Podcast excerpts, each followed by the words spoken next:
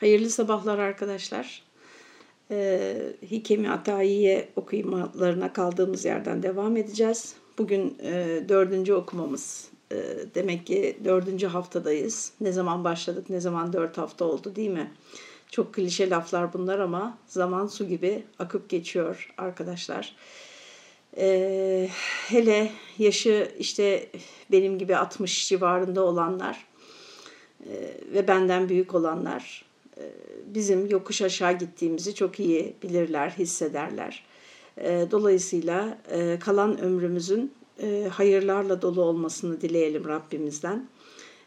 Bugüne kadar yaptıklarımızın içindeki hatalarımızı, eksiklerimizi telafi edecek fırsatları görebilmeyi ve onları Rabbimizi hoşnut edecek şekilde değerlendirebilmeyi diliyoruz Allah Teala'dan. Şimdi arkadaşlar çok önemli ve çok incelikli bir bahisteyiz. İnşallah layık ve anlatabilirim. Ee, Elhamdülillahi Rabbil Alemin ve salatu ve selamu ala Resulina Muhammedin ve ala alihi ve sahbihi ecmain. Bu aslında bu konu hepimizin yeri geldiğinde böyle mangalda ne derler ona köz bırakmadığımızın, mangalda kül bırakmadığımızın bırakmadığımız bir konu. E, herkesin çok çok konuştuğu, çok çok fikrinin olduğu, hatta fikri geçip kesin kanaatlerinin, kesin e, doğrularının olduğu bir konu. E, bakalım sizler ne düşünüyorsunuz? Müellifimiz Ataullah İskenderi Hazretleri ne diyor? Bu düşüncelerimizi tasih edecek miyiz? İlginç bir mesele. O da şu arkadaşlar, şimdi mesela yaptığımız girişteki dua ile bağlayalım e, dedik ya Allah Teala karşımıza işte bunları bu bugüne kadar yaptığımız amellerimizdeki eksiklerimizi telafi edecek güzel fırsatlar çıkarsın. Yani öyle bir hayır kazanalım ki e, amel defterimizdeki bütün eksiler böyle o sayede artıya dönsün falan dedik. Şimdi e, arkadaşlar bu sebeplere yapışmakla mı alakalı yoksa Allah'ın lütfuyla mı alakalı? E, yani bir insan arzu ettiği mesela başka bizim tabii bizim yaş grubunun işte günahlarım affolsun, işte güzel bir derece kazanayım, e, gitmeden önce arkamda güzel işler bırakayım, e, biraz böyle hayatı toparlamak, eksiklerimizi telafi etmek falan gibi e, amaçlarımız var. Yani benim şahsen öyle. E, ama daha genç insanların elbette ki hayatla ilgili, kendileriyle ilgili pek çok hedefleri, hayalleri, istekleri var. Efendim Şimdi e, ne olacak yani bunu e, sadece sebeplere yapışarak mı yapacağız? Yani e, ne diyor işte e, mesela nasıl başarılı olunur? Akademik başarı nasıl başarılı olunur? İşte çalışırsan başarılı olursun. Usulüne göre, yöntemine göre çalışırsan başarılı olursun. Peki sadece bu mu? Yani sadece çalışmakla insan istediği başarıyı elde eder mi? Ben e, öyle olmadığı kanaatindeyim. Burada mutlaka kaderle ilgili, takdirle ilgili ve e, doğuştan getirdiğimiz kapasiteyle ilgili kısmı var mesela meselenin. E, işte ne bileyim hayat şartları ile ilgili bir kısmı var. Senin kontrol edemediğin kısımlarla ilgili. Allah korusun insan genç yaşta annesini babasını kaybeder. Hayatın yükü omuzlarına biner. Al işte yani çalışma isteği de var. işte e, kapasitesi de var ama öyle bir e, savrulur ki bugünkü mültecilerin hayatlarını düşünün yani arkadaşlar. Mesela kim bilir değil mi? Her birinin hikayesini bilmiyoruz ama e, yani okullarını bıraktılar, hayatlarını bıraktılar, tepe taklak oldular, yakınlarını kaybettiler. Yani şu anda ekmek derdine düşmüş durumdalar. Ne hayali. İşte ne olacak? Yani sebeplere mi yapışacağız? Amaçlarımıza ulaşmak için yoksa bırakacağız Allah bize takdir etsin diye mi? Onu nasip etsin diye mi bakacağız? Benim ağırlığımı, fikirlerimin ağırlık noktasını biliyorsunuzdur çoktandır dinleyenler. Ben her zaman e, mucize beklemekten değil, e, sebeplere yapışmaktan yanayım. E, mucizeleri e, mucizeleri inkar etmiyorum, kaderin rolünü inkar etmiyorum asla. Ama e, biz üzerimize düşene odaklanmalıyız diye düşünüyorum. Bakalım Ataullah İskenderi ne diyecek ve onu bize çok güzel bir şekilde şerh eden e, Ahmet Mahir Efendi ne diyecek? Şöyle diyor Ataullah İskenderi, ey Allah'ın kulu Hak Teala senin kazancını sebeplere bağlamışken Hak Teala senin kazancını sebeplere bağlamışken sebepleri bırakıp inzivaya çekilmen nefsinin gizli bir şehvetindendir. Allah Allah. İnsanın inzivaya çekilmesinin şehvetle ne alakası var? Buradaki şehveti biliyorsunuz değil mi? Tasavvufi kitaplardaki şehvet arkadaşlar sadece cinsellik değildir. Her anlamdaki nefsin hırslı arzuları yani kuvvetli arzularına şehvet diyor denir. Doğrusu da odur. Bizim günlük dilde şehveti sadece cinsel arzular için kullanıyor olmamız anlam daralmasıdır. Rahman'ın cazibesi seni sebeplerden kurtarıp tecrit eylemişken, şimdi öbür uç, Rahman'ın cazibesi seni sebeplerden kurtarıp tecrit eylemişken, sebeplere yapışman ise himmetinin düşüklüğündendir. Şimdi işte bakın nasıl şerhe ihtiyaç var görüyorsunuz. Ee, geçen de söylemiştik Ahmet Mahir Efendi önce nazım sonra nesir olarak şerh edecek bu e, iki cümleyi. E, şiirini şöyle söylüyor. İkame ettiği halde seni esbab içinde hak, esbab sebepler. Yani Cenab-ı Hak sana öyle bir kader, öyle bir çizgi takdir etmiş ki e, sebeplere yapışmadan bir şeye ulaşamayacaksın. Yani şöyle düşünün bunu arkadaşlar. Bazı insanlar daha doğduğundan itibaren, dünyaya geldiğinden itibaren hesapsız rızıklar içindedir. Bakıcılar, yardımcılar, her türlü yediği önünde yemediği arkasında bir servet, efendim sosyal statü, saygınlık, herkes o bebeğin gözünün içine bakar falan. Bazıları böyledir. Bazıları da doğduğu andan itibaren neredeyse yani ağlamayan çocuğa meme yok derler ya doğduğu andan itibaren çok gayret sarf etmesi gerekir. Etrafındakilerin dikkatini çekmek, işte ihtiyaçlarını karşılatmak için ikame ettiği halde seni esbab içinde hak, talepkarı tecerrüt olduğun bir gizli şehvettir. Tecerrütle dahi ali iken kadrin senin el hak, tenessül eylemek esbaba da tenzili himmettir. Zaten birazdan bunu açıklayacak. Diyor ki sebepler dünya menfaatlerinin elde edilmesine vasıta olan mallar ve eşyalardır. Tecrit ise tecrit soyutlanma demek. Bu sebeplerle ilgilenmemektir. Yani tekrar ediyorum biraz fazla tekrar oluyor kusura bakmayın. Ee, ben arzu ettiğim şu işe ulaşmak için şu başarı olur, mal olur, sağlık olur, herhangi bir şey. Sebeplere mi yapışmam lazım? Yoksa Allah'a tevekkül edip kendimi sebeplerden elimi eteğimi çekip Rabbim bana verir diye böyle beklemem mi lazım? Hakkın insanı sebeplere bağlamasının alameti. Şimdi dedik ya kader bazılarına öyle yapar, bazılarına böyle yapar. Ee, tabii arkadaşlar Cenab-ı Hakk'ın insanı sebeplere mahkum etmesi çoğunluk için aklın yoludur yani. Ço insanların büyük çoğunluğu bir e, gayret göstermeden sonuca ulaşamaz. O sebepler de ne demek arkadaşlar? Her gayret de insanı sonuca ulaştırmaz. Ee, akıllıca, metoduna, usulüne uygun bir şekilde gayret etmek. Ee, mesela bunu işte üniversiteye hazırlanan çocuklara e, bu işin uzmanı olan hocalar çok iyi söyler. Yani nasıl çalışacağını bilmek. Nasıl çalışılır? İşte mesela amacınız nedir? Evinizde mutlu olmak, mutluluk. Bunu nasıl elde edeceksiniz? Mutluluğun sebepleri, şartları nelerdir? Nasıl davranılırsa insan o huzuru yakalar.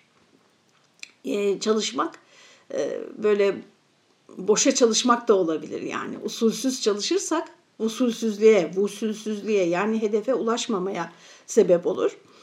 E, fakat bazı işte bazılarımız yani büyük çoğunluk arkadaşlar o hedefe vusul olabilmesi için yani hedefine ulaşabilmesi için usulüne göre hem de çok sıkı çalışması gerekir büyük çoğunluğun.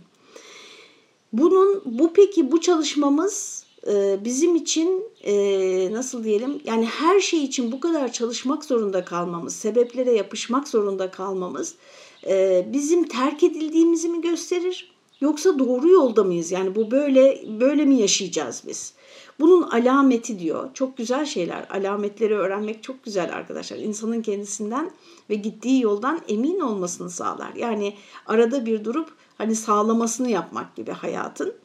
Hakkın insanı sebeplere bağlamasının alameti zahiri sebeplerle geçim zorlaştığında din selametini koruyabilmektir. Yani bu yol senin için hak bir yol mu? Nereden anlarsın? E, hedeflerine ulaşman zorlaştıkça e, efendim e, inançların zedeleniyor mu? Yoksa onlar selamette kalabiliyor mu? Yani daha avamicesi arkadaşlar hedeflerine ulaşmak zorlaştıkça, daha fazla çalışman gerektikçe, daha fazla gayret etmen gerektikçe Allah'a olan güvenini, saygını, itimadını, e, kadere rızanı kaybediyor musun? Bunlar zayıflıyor mu? E, bugünkü tabirle sorgulamaya mı başlıyorsun? Yoksa e, inancını koruyabiliyor musun? Dinini koruyabiliyor musun? Yani bunlar ondan hiç zarar görmeden ilerleyebiliyor mu? Sebeplere yapışarak yaşayıp kazanmak sırasında insanların malına tamah etmeyerek zahiri ve batıni kulluk vazifelerinin yerine getirilmesidir. Yani öyle insanlar vardır ki arkadaşlar hayatın darlığında da bolluğunda da istikametini korur, ahlakını korur, inancını korur. Kimsenin malına gözünü dikmez, kimsenin başarısına gözü, makamına gözünü dikmez. Efendim kendisine verilenle barışıktır. İşte e, ve inançları inançları sarsılmaz, Allah Teala ile ilişkisi değişmez, bozulmaz. İşte bu o insanın e, sebeplere başarısının amacına ulaşmasının sebeplere bırakılmasının onun için zararlı olmadığını gösterir. Onun, onun, onun yolunun bu yol olduğunu gösterir diyor. Tecritte yaşamanın alameti ise yani böyle çalışıp çabalamayıdan elini ayağını çekip efendim her şeyi Allah'a bırakmanın alameti ise ummadığı yerlerden rızıklanarak mutlu olmak, bu şekilde yaşamak zorlaştığında da Cenab-ı Hakk'a tevekkülü bırakmamak, kalbini bozmamak, gönül hoşluğu içinde ibadete devam ederek feyizlenmektir. Yani bu insanlarda böyle ummadığı yerlerden kapılar açılır, çok kolay işlerini başarır. Zaten mesela bazen bakıyorum ben insanlara arkadaşlar. Evlatları sakin, muti, terbiyeli, işte eşi saygılı, hürmetli, efendim rızkı kendine yetiyor. Yani böyle bir asude, böyle şey canlanıyor gözümde. Böyle güzel bir suda akıp giden bir kayık gibi hiç küreklere asılması gerekmiyor. Yani rüzgar arkadan gelmiş, böyle kayıp gidiyor, hedefine ulaşıyor bazı hayatlar. İşte böyle durumlarda arkadaşlar e, ara sıra kayık yavaşladığında, ara sıra rüzgar ters yönden estiğinde tevekkülü bırakmaması, kalbini bozmaması, gönül hoşluğu içinde nasıl ki o her şeyin düzgün gittiği zamanlarda gönlü nasıl rahat ve mutmainse aynı şekilde terslik zamanlarında da e, aynı gönül hoşluğu bozulmadan ibadetine, kulluğuna devam edebilmesidir. Sebeplere bağlı kimsenin tecerrüt etmesi yani senin her işin sebeplere bırakılmış yani. Mesela işte ben e, kendi hayatımdan örnek vereyim arkadaşlar. Çok hastalarla büyüdüm ben. Yani ailemde, büyük ailemde çok hasta vardı. E, yaşlılar ve hastalardı. E, şimdi dolayısıyla hastanın halini nasıl yaşadığını biliyorum arkadaşlar. Bir nefes almak için bile çabalaması lazım. Yatağından kalkabilmesi, kaşığını ağzına götürebilmesi, bunun üstünü değiştirebilmesi. Mesela bunlar çok basit insani ihtiyaçlar ve düşünmeden, hiç düşünmeden hop diye yaptığımız şeyler. Bütün bunlar için gayret sarf etmesi gerekiyor. Bazı insan da işte az önce dediğim gibi e, efendim hiçbir çaba sarf etmeden hayatı boyunca çok sağlıklı bir şekilde yaşıyor. Bu sebeplere bağlı kimsenin yani senin işte sağlığın yetersiz, malın kıt kanaat veya yetersiz işte e, hayata başladığın nokta çok aşağılarda. Dolayısıyla senin her şey için, sağlığın için, malın mal için, ihtiyaçlarını karşılamak için, işte toplumda ihtiyaç duyduğumuz bu saygınlık, sevgi, itibar çok kuvvetli bir asli ihtiyaçtır arkadaşlar. Maslow'un hiyerarşi, ihtiyaçlar hiyerarşisinde yeri vardır. Efendim, e, bunu elde edebilmek için hep her şey için yani maddi manevi çalışması gerekmiş. Bu kimsenin bunları bırakıp çalışmayı bırakıp gayreti bırakıp tecerrüt elini ayağını çekmesi yani hayattan gizli şehvetinden ileri gelir. Hayda. Şimdi burayı işte anlamamız gerekiyor. Hikmet burada. Şu bakımdan ki feyiz ve hayır Cenab-ı Hakk'ın elindedir ilahi iradenin kulun isteğine uygun olup olmadığı bilinemediği halde kulun belirlenmiş kaderden çıkmak ve mücerret olmak istemesi, insanlardan uzaklaşması, Cenab-ı Hakk'a yaklaşma bahanesi altında insanlarca sayılıp sevilmeyi istemek gibi nefsani bir düşünceye dayanır. Yani böyle vay ne kadar bak şu şartlar altında ne kadar şey e, tevekkül ehli, şey ne kadar e, kader, kaderiyle barışık, Allah'a ne kadar güveniyor e, denilmesi ve bu yolla o saygınlığı elde edebilmesi içindir. Burada nefsin kişiye uyguladığı arkadaşlar çok küçük bir tuzaktan ama bütün hayatını etkili, küçük de demeyelim, çok gizli diyelim. Çok gizli bir tuzaktan bahsediyor. Bizi nefsin bu tuzağına karşı uyarıyor arkadaşlar. Yani Cenab-ı Hak sana öyle bir kader nasip etti ki çalışıp çabalaman gerekiyor senin. Her günkü lokman için, her şeyin için.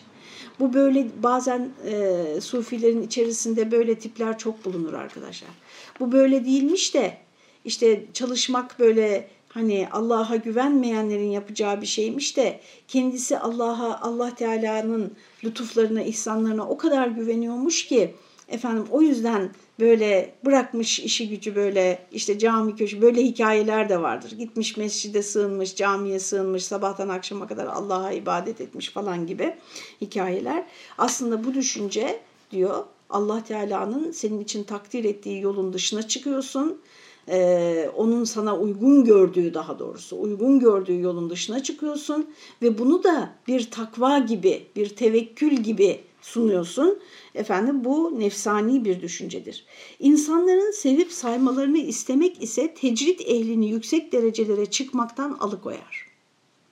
Gerçekten sen hani her şeyden elini eteğini çekip efendim esbaba sarılmayı bırakıp böyle e, soyutlandığında toplumdan bunu insanlardan takdir görmek için giz, gizli Bakın bu gizli arzular arkadaşlar insanın kendisi tarafından bile fark edilmesi zor olan şeylerdir. Bu konuda evhama da kapılmayın ha onu da söyleyeyim. Yani içinizde hiç böyle bir şey yokken acaba ben bunu bunun için mi yapıyorum diye o saf niyetinizi bir şeyi saf niyetle yaparken e, saf niyetinizi de bozmayın ama hani bir yoklayın kendinizi. Böyle bir e, amaç var mı diye. Eğer varsa arkadaşlar takdir görme arzusu. Bilhassa da tabii bu insanın içinde bulunduğu çevreyle de ilgilidir. Yani siz diyelim ki akademik bir çevredesiniz. işte ticaretle uğraşan bir çevredesiniz. İşi gücü bırakıp ben Allah'a havale ediyorum sonucu e, demeniz yani gereken çalışmayı, araştırmayı, gayreti göstermeyip Allah'a havale ediyorum demeniz o çevrede bir nevi delilik olarak karşılanır. Yani burada bir şöhret bir şey yoktur yani. Ama manevi e, efendim e, kalbi ve manevi boyutu ağırlıklı olan bir çevrenin içindeyseniz sanki onlardan daha öndeymişsiniz. Sanki onlardan daha çok tevekkül ediyormuşsunuz gibi kendini göstermek isteyebilir nefis. İşte bu e, böyle bir isteği varsa insanın içinde diyor bu bu kişiyi yüksek derecelere çıkmaktan alıkoyar bu istek, yoldan saptırır. Bu yüzden arifler bunu öldürücü bir zehir bilmişlerdir. Nedir bu? Bu dediği şey ne arkadaşlar? İnsanların takdirini kazanmak için tevekkül ehliymiş gibi yaşamak. E, esbaba sarılmayı bırakıp kendini her şeyden soyutlamak, ben Allah'a bıraktım demek. Bu bazen e, benim hayatımda da şöyle oluyor arkadaşlar. Mesela bu çok tartıştığımız bir konudur. Yani e, şeyde de burada sosyal medyada da çok tartışıldığını görüyorum. E, yani mesela birisi yanlış yapıyor size. E, bu yanlışı Allah Teala düzeltmiyor. Mesela Hazreti Ayşe'ye yanlış yaptılar. Ayet indi değil mi? Tamam bir ay sonra indi ama oraya da dikkat edin yani. Hemen o gece inseydi tam bir ilahi lütuf. O da ilahi, öbürü de ilahi lütuf ama önce Cenab-ı Hak onlara bıraktı. Peki ne yaptı peygamberimiz arkadaşlar? Ne yaptı? Araştırdı değil mi? Böyle bir şey olabilir mi? Gerçek olabilir mi? Sordu, soruşturdu. Gören var mı? Bilen var mı? Daha öncesinden böyle bir şeyi sezen var mı diye. Yani esbaba sarıldı. Bir insan ilahi bir e, bağlantısı şey diyelim nasıl vahyi bir bağlantısı olmayan bir insan ne yapacak idiyse o da onu yaptı. E, şimdi bir, bir insan size böyle bir şey yapar, bir zarar verir. Ben onu Allah'a havale ettim demek aslında en kolay yoldur. Mesela işte burada bazen sosyal medyada bizimle ilgili böyle ya Allah yardım etsin daha büyük iftiralara uğrayanlara büyük zorluk, büyük bir zorluk yani. Bir şeyler yazıyorlar. Geçen de birisi yayın mı yapmış, bir şey mi yazmış işte kaç kişi bana gönderdi. İşte e, Fatma Bayram'a dikkat edin işte o ehli sünnet değil falan diye. Şimdi böyle bir şeyle karşılaştığınızda aslında eğer hani Cenab-ı Hakk'ın Cenab-ı Hak size sebeplere bağlanmadan bir lütuf verecekse mesela anında o kişinin veya onu yapanın yanlış yaptığını fark eder ve geri çeker mesela böyle bir şeyi ve durum düzelir. E, sebeplere bırakmışsa Cenab-ı Hak seni, senin bununla mücadele etmen gerekir. Şimdi ben de mücadeleci bir insan değilim böyle şeyler konusunda. Çok tırsarım yani arkadaşlar. Hiç e, şey yapamam, e, müdahale edemem. Kendim için e, olduğunda bilhassa. E, işte ben onu Allah'a havale ettim. Bu çok saygın böyle. Oo maşallah hocam falan filan. Aslında orada e, bu yani derin derin tahlil ettiğimizde kendi korkaklığımızdan mı, e, iş bilme işimizden mi, nasıl mücadele edeceğimizi bilme işimizden mi, efendim yoksa insanlar o hocaya bak ne kadar yüksek bir ahlak falan desinler diye mi? Yani değil mi? Bunu bir kendi nefsimize e, sormamız gerekir. E, gerçi öyle de olsa yani diyelim ki ben, ben korkaklığımdan onu e, öyle yapıyorum. Çünkü işte kavga etmeyi bilmiyorum ve e, böyle cedel yani cedel yöntemi değil benim yöntemim. E, biraz da bu karakterimden kaynaklanıyor diyelim ki Allah Teala buna sevap vermeyecek mi? Tabii ki verecek. Yani verir. Ama e, tekrar hani bunu yeri geldikçe hep söyleyelim. E, af ne zaman çok yüksek bir mertebedir arkadaşlar? Cezaya muktedir olduğun zaman. Cezaya muktedir olduğun zaman affetmek çok yüksek bir mertebedir. Burada da işte öyle. Arkadaşlar e, Cenab-ı Hak seni sebeplere mahkum etmiş, bırakmış yani. Sana bırakmış konuyu. Bakıyor. Ömer Ferit Kam'ın çok güzel bir sözü var. Diyor ki e, Cenab-ı Hak diyor ki insanlar diyor ki bakalım Allah ne gösterecek. Cenab-ı Hak da diyor ki bakalım kullarım ne yapacak? İşte sebeplere bırakması o demek. Bakalım kullarım ne yapacak böyle bir durumda? Yani Allah'ın Filistin'i işte e, kurtar, o zalim Yahudileri şöyle yap, böyle yap. Yani ne, ne olmuş oluyor burada arkadaşlar? Allah'ın bize bıraktığı bir kulluk görevini cihat, mücadele vesaire biz tekrar Allah'a havale etmiş oluyoruz. Anlatabildim mi? İşte bu diyor bunu insanlar seni ne kadar imanlı, ne kadar teslimiyet ehli, ne kadar tevekkül ehli, ne kadar insanlara aldırmıyor desinler diye bunu yapıyorsan Allah korusun böyle bir şeyden uzak tutsun bizi Rabbimiz. Bak burada bile Allah'a bırakıyoruz. Yani dikkat edelim bu konuda. Desinler diye yapıyorsak bu tam bir felaket insanın yükselmesini engelleyen bir e, niyet bozukluğu öyle diyelim. Bu yüzden e, arifler bunu öldürücü bir zehir bilmişler. Yani insanlara e, oynamayı öyle diyelim. Bir tecrit ehlinin yani insanlardan uzak yaşayan bir kimsenin sebeplere yapışmak istemesi himmetinin tükenmiş olduğunu gösterir. Yani Allah ona öyle bir yol vermiş ki her şey yolunda gidiyor zaten yani. Ve e, yalnızlığı sevdirmiş, işte ibadeti sevdirmiş, işte ne her neyse yani orada yaptığı güzelliği neyle meşgulse orada ilmi mesela sevdirmiş. Bunu bırakıp sebeplere yapışmak istemesi e, himmetinin tükenmiş olduğunu gösterir. Burada da çok güzel örnekler var aklımda da şimdi söylemeyeyim o kadarını. Çünkü tecerrüt hakka bağlanmaktır. Tecerrüt yani soyutlanmak, sebeplerden uzaklaşmak diyelim. Ve muvahhidlerin, ariflerin en üstünlerine mahsustur. Hani şimdi az önce dedim ya ben onu Allah'a havale ediyorum derken orada insanların takdirini kazanmak için mi bunu yapıyorum? Yani kalbime döndüğümde öyle olmadığını e, biliyorum ama bir parça korkaklığımın veya işte e, kişiliğimdeki o çekingenliğin e, payı var. Korkaklık demeyelim. Kendimize kötü vasıflar yakıştırmayalım hiçbir zaman arkadaşlar. Çekingenliğin payı var. E, ama onu da Allah Teala biliyor. Şimdi e, ondan dolayı mı yoksa gerçekten Allah'a havale etmek mi? E, gerçekten Allah'a havale edenin kalbinde arkadaşlar tam bir sükun ve huzur olur. Sen öyle bir yere bıraktın ki konuyu. Yani seni Allah'a havale ediyorum, onu Allah'a havale ediyorum dediğinde hiç bir daha o konu aklına bile gelmez yani. Ne, kime havale ettin, kime bıraktın? Peki niye şimdi bu endişe? Hep onu örnek veririm. Yani sen bir e, iyi bir avukat tuttuğunda mahkemede ikide bir onun sözünü kesiyorsan bir dakika öyle deme böyle de bir dakika öyle yapma böyle yap filan diyorsan avukata avukat ne yapar seni değil mi? vekil çünkü vekil etmişsin onu. Avukatın adı vekildir biliyorsunuz. Biz de müvekkil oluyoruz yani avukatı vekil eden oluyoruz. Vekil ediyorsun senin yerine konuşacak, senin yerine adım atacak, senin yerine karar alacak vesaire. Tecerrüt hakka bağlanmaktır. Muvahhidlerin, ariflerin en üstünlerine mahsustur. Hakka dönmek ve inmek demek olan ve eksikli kişilerin hali bulunan sebep, affedersiniz hakka değil, halka dönmek ve inmek. Yani çünkü sebepler dünyasına iniyor. İnmek demek olan ve eksikli kişilerin hali bulunan sebeplere yapışmak, yüksek makamı alçak menzile değişmek gibi aşağılık bir iştir. Yani şöyle benzetebiliriz bunu e, muhayyel bir benzetme olsun.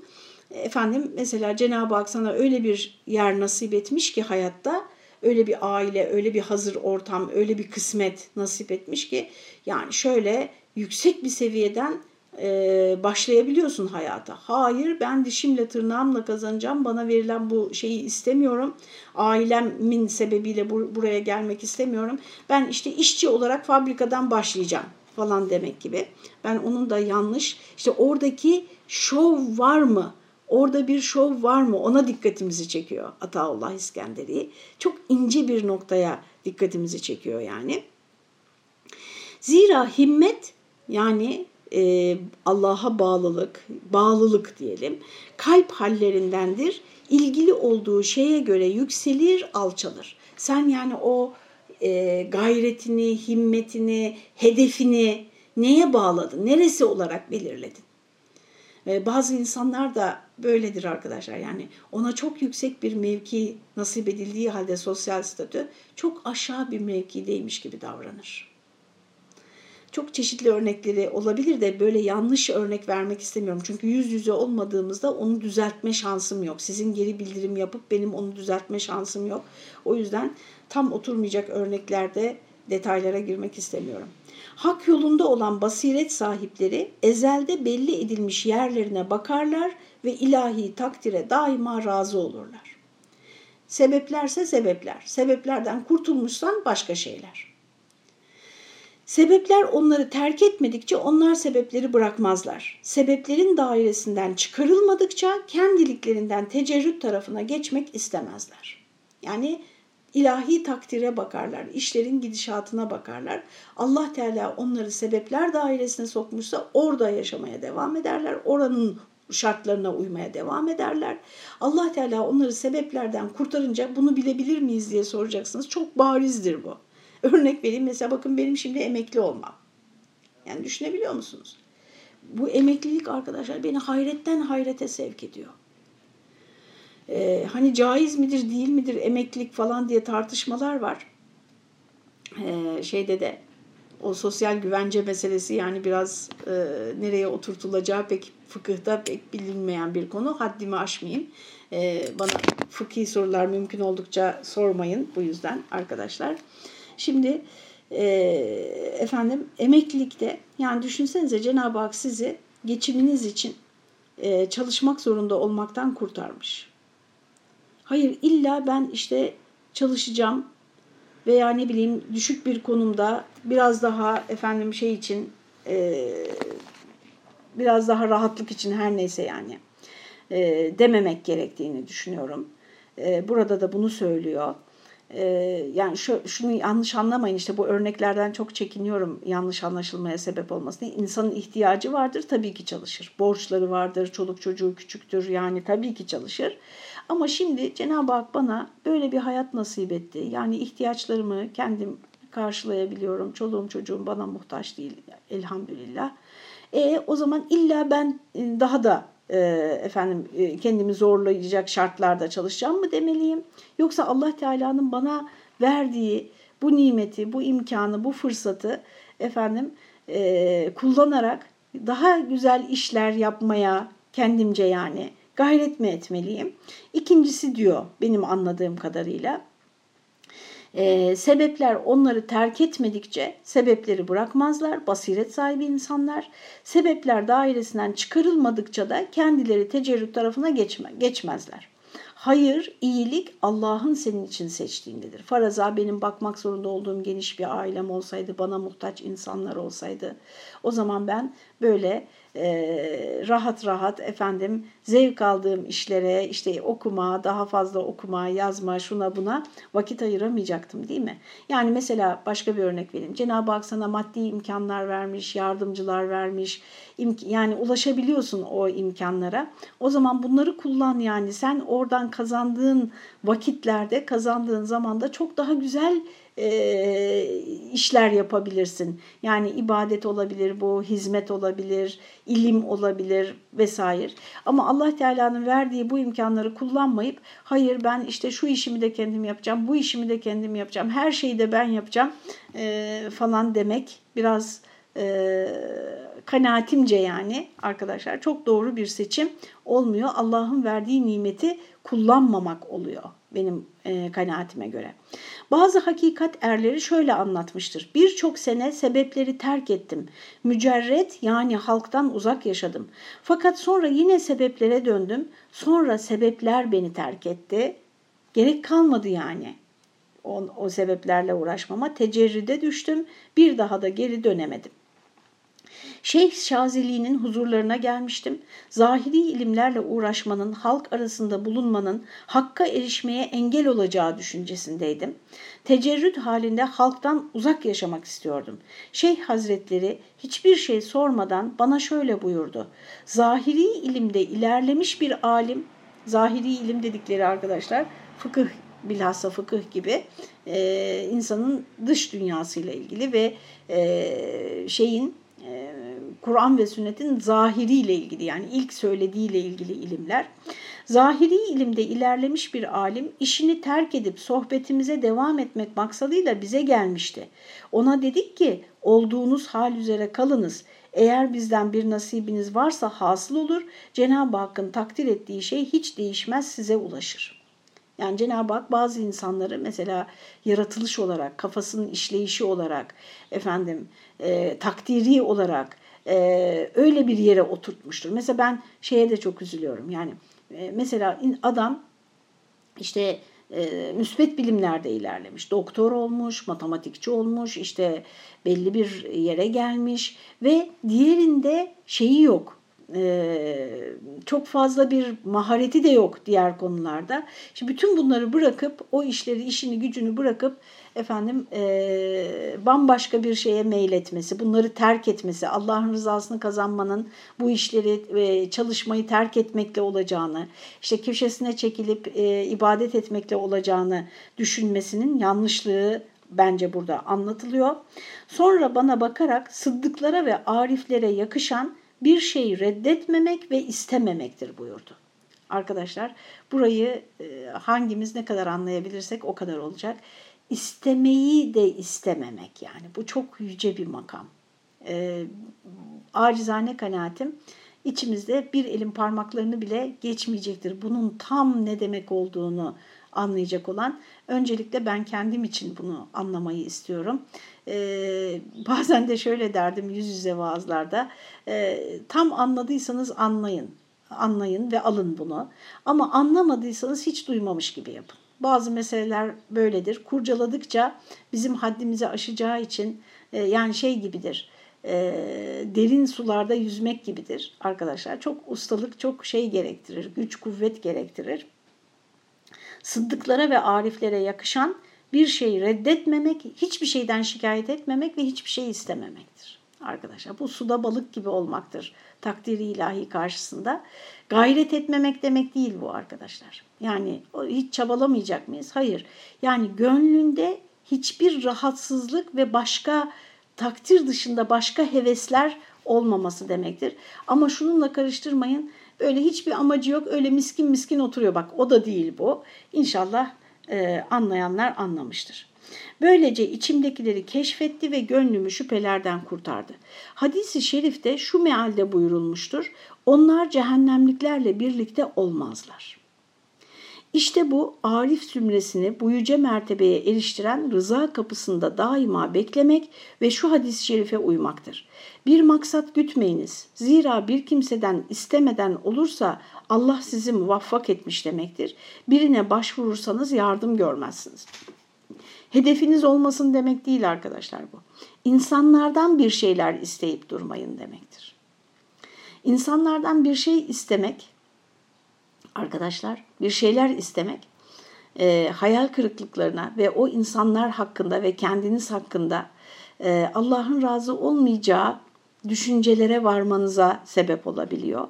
Yani insanların elindekinden gözünü çek. Bu Taha suresinin son sayfasında da bize anlatılır. e, Nisa suresinde de var. Yani başkalarına verilenlere gözünü dikme, e, sana verilenlerle razı ve barışık ol. Buradan e, yani bir hedefin olmasın ilerleme anlamında değil e, ama bu hedef bu hedefin bu ilerleme arzun nasıl anlatayım? Kimseyi tazik etmeden, kimsenin elindekine göz dikmeden olsun. Bir kimseden istemeden bir şeye ulaşırsan Allah seni muvaffak etmiş demektir. İnsanların elindekine başvurursanız yardım görmezsiniz diyor. İrade etse bu emrin taalluk fethine nabi, ana etraf na etraf na me'mulden esbab olur payda bir işin olmasını Hak Teala dilemişse ona umulmadık taraflardan sebepler meydana çıkar diyor. Tabii bunu bir öfkeye dönüştürmeden, şimdi gençlerde bu konuda çok öfke görüyoruz. Yani toplumun, insanların devamlı onlara böyle hizmet etmesi gerektiğini, onların her işini birilerinin görmesi gerektiğini düşünüyorlar. Bazı özellikle de başarılı insanlar bunu gençliğimden beri duyardım. İşte beni okutsunlar, beni beni ilerletsinler, benim elimden tutsunlar. Ben işte e, istikbal vaat ediyorum, bana yatırım yapsınlar falan gibi insanlar da e, insanlardan beklentileri var ve insanların buna adeta insanlar buna adeta mecburmuş gibi e, bir beklenti içerisindeler. Öyle olunca arkadaşlar buradan büyük bir öfke, kavga e, doğuyor ve bu insanın itikadını da bozuyor bir süre sonra, ahlakını da bozuyor. İnşallah anlatabilmişimdir. Çok kapsamlı, çok böyle derin hikmetler barındıran e, bir konuyu konuştuk. İnşallah haftaya görüşmek üzere. Allah'a emanet olunuz.